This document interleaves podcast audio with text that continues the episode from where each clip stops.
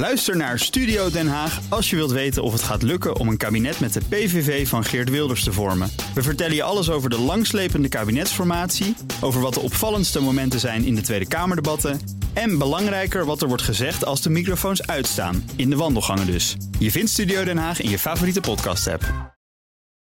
Auto-update. Ja, want het is vrijdag en dan zit Nout Broekhoff bij ons. Hij is van de Nationale Autoshow. Nout, we beginnen met nieuws over Dieselgate in eigen land, hè? Nog altijd hebben eh 40.500 Schumel-diesels geen eh, software-update gehad in Nederland, meldt de RDW vandaag. En waarom brengen mensen hun auto niet gewoon weg? Waarschijnlijk om- omdat ze denken, dan kan niet meer naar hard. Dat zou kunnen, maar omdat het gewoon niet hoeft. Dus auto's hoeven niet naar de garage verplicht. En eh, dat is voor heel veel mensen dan ook niet nodig, denken ze. Terwijl misschien wel heel veel van die auto's al in de garage zijn geweest. En dan kun je makkelijk die software-update even laten uitvoeren. Maar inderdaad, misschien ook een beetje angst dat die auto minder gaat presteren. Dat zou inderdaad ook kunnen.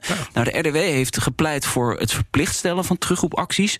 Dan zou je binnen een bepaalde termijn zo'n terugroepactie moeten laten plaatsvinden. Anders krijgt je auto een verbod om te rijden.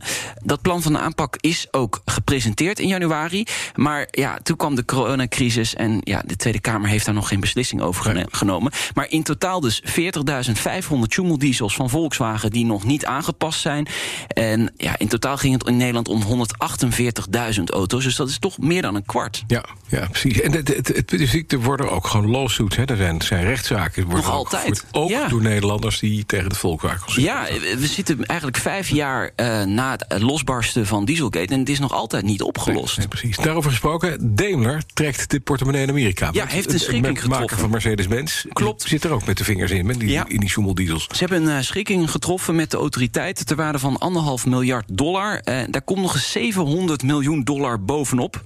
Vanwege een mogelijke massaclaim. Dan kom je dus op 2,2 miljard dollar in deze coronacrisis. Die je ook nog eens moet ophoesten als Daimler zijn. En dan moeten heel veel mensen bij Daimler ontslagen worden.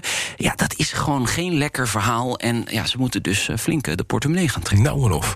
En dan is het toekomstplan van Subaru uitgelekt. Ik twijfelde of ik dit moest meenemen. Want ja, Subaru, het is een merk dat je gewoon niet vaak ziet in Nederland. Nee.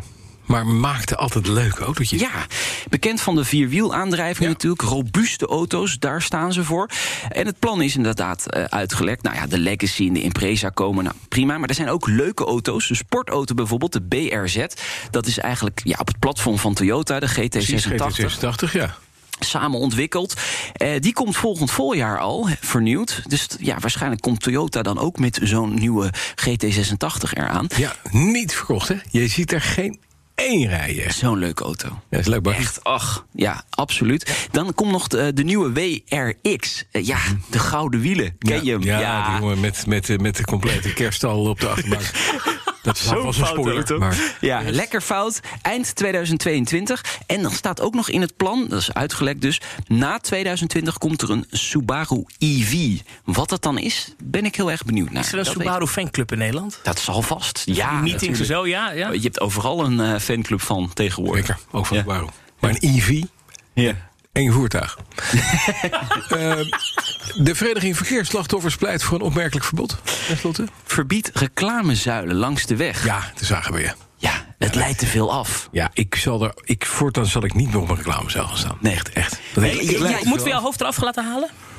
Nou, dat zou ik niet doen in de overdracht- overdrachtelijke zin hooguit. Maar ehm, ja, nee, het is toch. Ik, is dit nou echt een ding? Ja, nou ja, ze, ze maken een vergelijking met de smartphone. Die leidt natuurlijk ook af in, in de auto. En Hoe dat is ook. kijk jij nou bewust helemaal naar zo'n ding dat je denkt van... joh, wat staat daar nou? Nee, ik, En dat je klapt op de... Nee. Nee, maar de Telegraaf schrijft er ook over. En de, de, er zijn helemaal geen cijfers bekend over hoeveel ongelukken er daardoor gebeuren. Dus er zijn. En trouwens, Bob- en Mono-campagnes, die zie je ook altijd langs de snelweg. En dan denk van ja, dat is dan wel goed, omdat dat voor het goede doel is dan waarschijnlijk. Dat leidt ook af, Ja, het leidt ook af, ja. vind ik ook. Dankjewel, Nout Broekhoff. Graag gedaan. De BNR Auto Update wordt mede mogelijk gemaakt door Lexus. Nu ook 100% elektrisch.